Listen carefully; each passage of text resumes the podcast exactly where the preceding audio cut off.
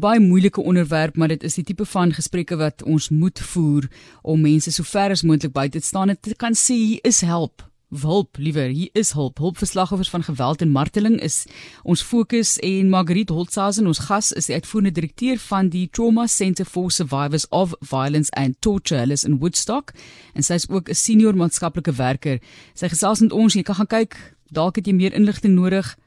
Trauma Centre .org.za trauma center alles in Engels .org.za center is T R E aan die einde nê Jog Magriet weet jy mens lees gereeld van daar's hulpverslagoffers van geweld maar nou sit jy woord marteling daarby dit dit is eintlik skrikwekkend wat 'n mens dink met mense gebeur nê Ja, maar dis hallo Marlies, dankie vir die geleentheid om te praat hieroor. Ja, marteling, as jy nou dat die streng definisie kyk, is marteling wanneer 'n staatsinstelling geweld toepas teenoor 'n 'n 'n burger van die land. So dit spreek baie tot ons geskiedenis want die organisasie bestaan reeds sedert 1993 toe ons berading gegee het vir slagoffers van van marteling wat natuurlik deur die apartheidstyd uh um onder polisie toesig gemartel is.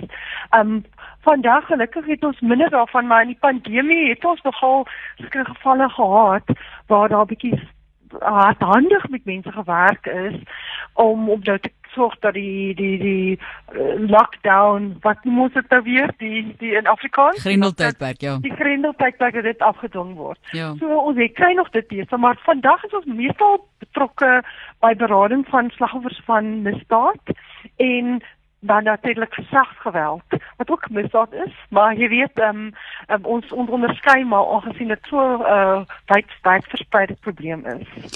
Kom ons gesels dan nou juist dit is die voorraad van die 16 dae van aktivisme vir geen geweld teen vroue en kinders. En ek moet vir jou sê Margriet elke jaar wanneer ons hierdie tipe van gesprekke het is dit daar's 'n vlak van moedeloosheid want dit voel nie asof dit beter raak nie. Dit voel letterlik net asof dit erger en erger raak en natuurlik hierdie land se gemoed en stres en al daai tipe van dinge ook baie daarmee te doen. So wat is jou siening van daardie konteks en die feit dat 'n mens voel jy verloor die geveg baie van die kere? Ja, dit, ek ek dink ek dink mens moet nooit hoop verloor nie. Dit is baie belangrik dat ons altyd hoopvol bly. Natuurlik is dit 'n komplekse probleem. Uh dit is het te doen met as ons nou kyk na wat is die aanduidings van van dat iemand dalk nou op 'n stadium 'n uh, persoon is wat geweld pleeg. Wat is die aanduiding dat iemand geweld wil pleeg in 'n intieme verhouding? Armoede, opvoeding. Die persoon het gewoonlik self as kind mishandel en jy het miskien in 'n huis groot geword waar daar huishoudelike geweld was. Alkohol en dwelmmisbruik. Algemene houdings teenoor vroue en kinders. Ehm um, die konsep van hoeveel mag en beheer 'n man moet hê in 'n verhouding. Ehm um, dat 'n vrou moet onder moet heeltemal net aan hom onderdanig wees. Um, en dat daar geen twee rigting gesprek is nie. Daai daai konsep is is is ons aanleiding dat iemand daai konsep het en daai omstandighede groot geword het, is 'n aanleiding dat hulle 'n groter kans daar daar groot kans is dat hulle eendag ook geweld gaan pleeg. So dit is nie 'n eenvoudige ding nie, maar jy weet soos probleme skielik geleidelik meer en meer word, kan herstel van probleme ook geleidelik gedoen word. Ja. Solank solank ons dit moet ver, ver, verloor nie. Jy weet ek ek ek, ek gebruik altyd die die die vergelyking van die van die dammetjie met die ehm um, blare met die blommetjies in. So die die, die lilieplant. Jy weet die die die lelie blommetjies in die dammetjie. Ja. Eendag is daar een blommetjie, volgende dag is daar twee, dan verdubbel dit, dan is dit 4. Dan is dit dan verdubbel dit, dan is dit 8. So eksponensieel het vermeerder. Eendag is as hy dammetjie half, 'n ander dag is hy vol. Dis wat baie keer gebeur met probleme. Ons ons laat dit maar net gaan. Ons sê ag, wat dit sal beter raak, ons doen niks daarmee nie. En dan vererger dit tot op 'n punt waar ons soos ons nou is, ons voel daar is nie hoop nie. Maar ek dink die goeie goed werk ook so. Ja. So ons moet aanhou om die regte dinge te doen om mense te help om om te gee vir mekaar, um in klein interaksies van elke dag net aandag te gee aan aan goed wat wat op die ouende groot probleem gaan word as ons as mens nie nou daaraan aandag gee nie. As ons al die goeie goed doen, dan gaan ons ook eendag sien, ja, ons het dan nou goeie vordering gemaak om hierdie probleem aan te spreek. So, Een persoon wat jy help op 'n slag. Yes, ja, elke persoon wat ons help, is 'n persoon wat wat in ons werk het ons 'n berading van van mense slagters van geweld en ehm um, slagters van geslagsgeweld en ook vir kinders uh doen ons ook berading. So daai kind wat heling vind, gaan groot word as 'n volwassene wat nie daai interne die binne die stres binne hulle het van daai aardige goed wat hulle met hulle gebeur het nie. Wat miskien voel ek kan aanbeweeg ehm um, omdat ek hulp gekry het. En dan is daai persoon nou weer ook 'n persoon wat konstruktief kan bydra tot die samelewing.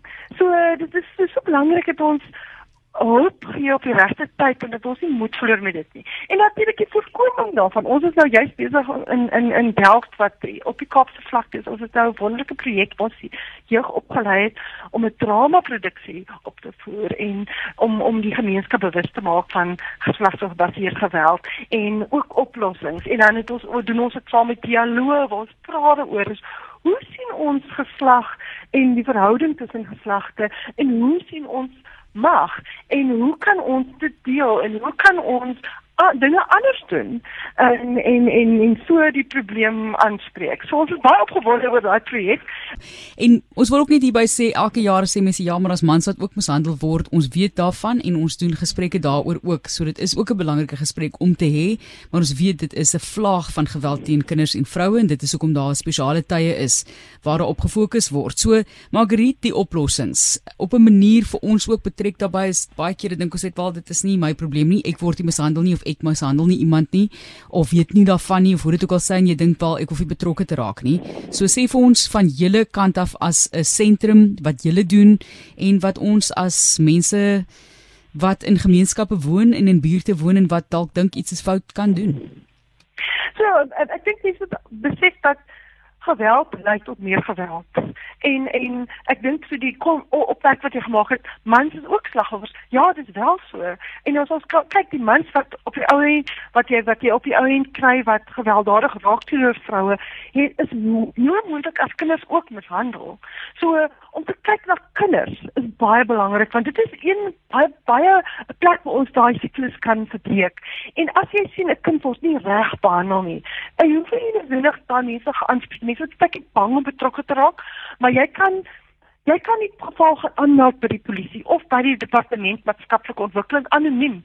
Jy van die op van die web kan jy 'n vorm 22 aftrek. Dit is dis baie maklik. Dit is vorm 22 Children Children's Act en jy kan hom aftrek en jy kan die inligting van die kind daarop invul en jy kan dit gaan inhandig by 'n enige maatskaplike werker of by die polisie en hulle moet dan sorg dat daai kind aandag kry. So dit en dit die ander ding wat mense kan doen is ook om te bietjie te begin te praat oor hoekom is daar so min maatskaplike werkers per kind. En daar is regtig 'n tekort aan maatskaplike werkers. Hulle kan amper hulle kan nie die was opkom met alle gevalle wat hulle het nie. So praat bietjie met jou politieke verteenwoordiger ook. Jy weet, kinders kan nie stem nie. So niemand gee afweer aandag aan hulle kwessies nie want in ons as volwassenes ons moet praat namens kinders. Ons moet die saak van kinders met ons dryf. Ehm um, polities ook. Ehm um, maar ook persoonlik om te sien. Dit vat 'n bietjie moeite, maar miskien om nou daai vorm te gaan aftrek en in te vul en om om te gaan inhandig. Dit vat 'n bietjie moeite, maar jy gaan bly wees en die kind gaan dankbaar wees dat iemand het my raak gesien, iemand het omgegee. En ehm um, die kind is nie nou maar nou net gelos om nou aan hulle eie om hulle self oorgelaat nie. So jy kan 'n lewe verander.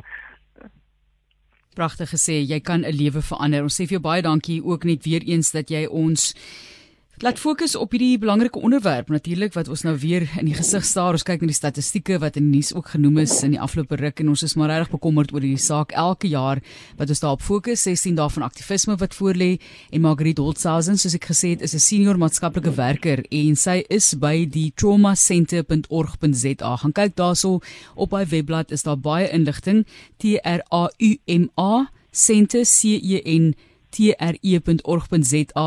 Margriet, julle is in Woodstock, maar julle kan sekerlik vir mense reg oor die land help of verwys. Ja, vir ons ons doen baie, ons verwys baie mense. Daar is ook natuurlik hulplyne. Daar is die GBV helpline. Ek het al daai inligting vir julle aangestuur as julle dit miskien op julle web tuiste kan plaas. Die Childline, Lifeline, die GBV ehm um, beheersentrum, GBV helpline, wat selfs 'n skuiling hulplyn nou waar jy kan hulp kry om na skuiling om na skuiling te gaan. Natuurlik is die polisie die eerste aantreepunt, maar partykeer kry mens nou nie die hulp wat jy nodig het van die polisie nie. Daar is maar nou nou nou almal nog nie waar hulle moet wees nie.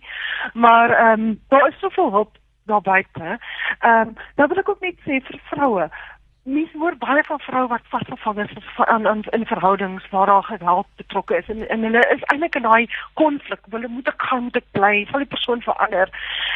Ons wat ons wat buite dit staan, daai verhouding staan, raak baie ongeduldig. Ons sien dis 'n eenvoudige oplossing, los die man en gaan aan met en en kry en gaan aan met jou lewe ons moet omgee vir vir vir mense en hulle help en ondersteun en nie veroordeel nie.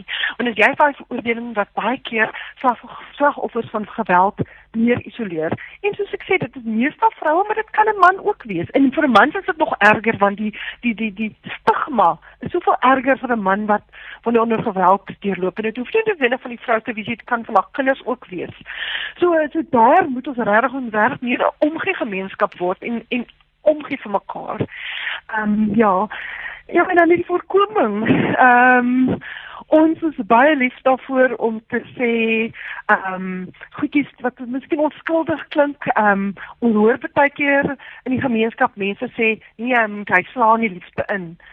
Ons moet mooi dink oor daai dinge wat wat wat wat ons uit ons mond laat kom wat ons uitker of ek hou van 'n man wat my bietjie op my plek sit. Hoekom hoekom sê ons dit goed en wat is die implikasies en wat is die boodskap wat ons ons uitdra vir ander en wat is dit wat sê ons vir onsself as vroue ehm um, kan ons nie onsself bestuur nie.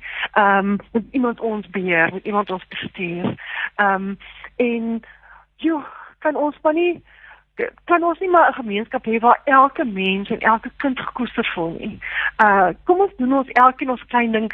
Uh Mother Teresa het gesê moet groot goed doen nie. Maar doen goed wat jy kan volhou. Al is dit net een keer 'n maand. Al is dit net 'n cappuccino se prys betaal vir 'n NGO wat vir vir vir slagoffers help. Um klein goedjies maak 'n groot verskil.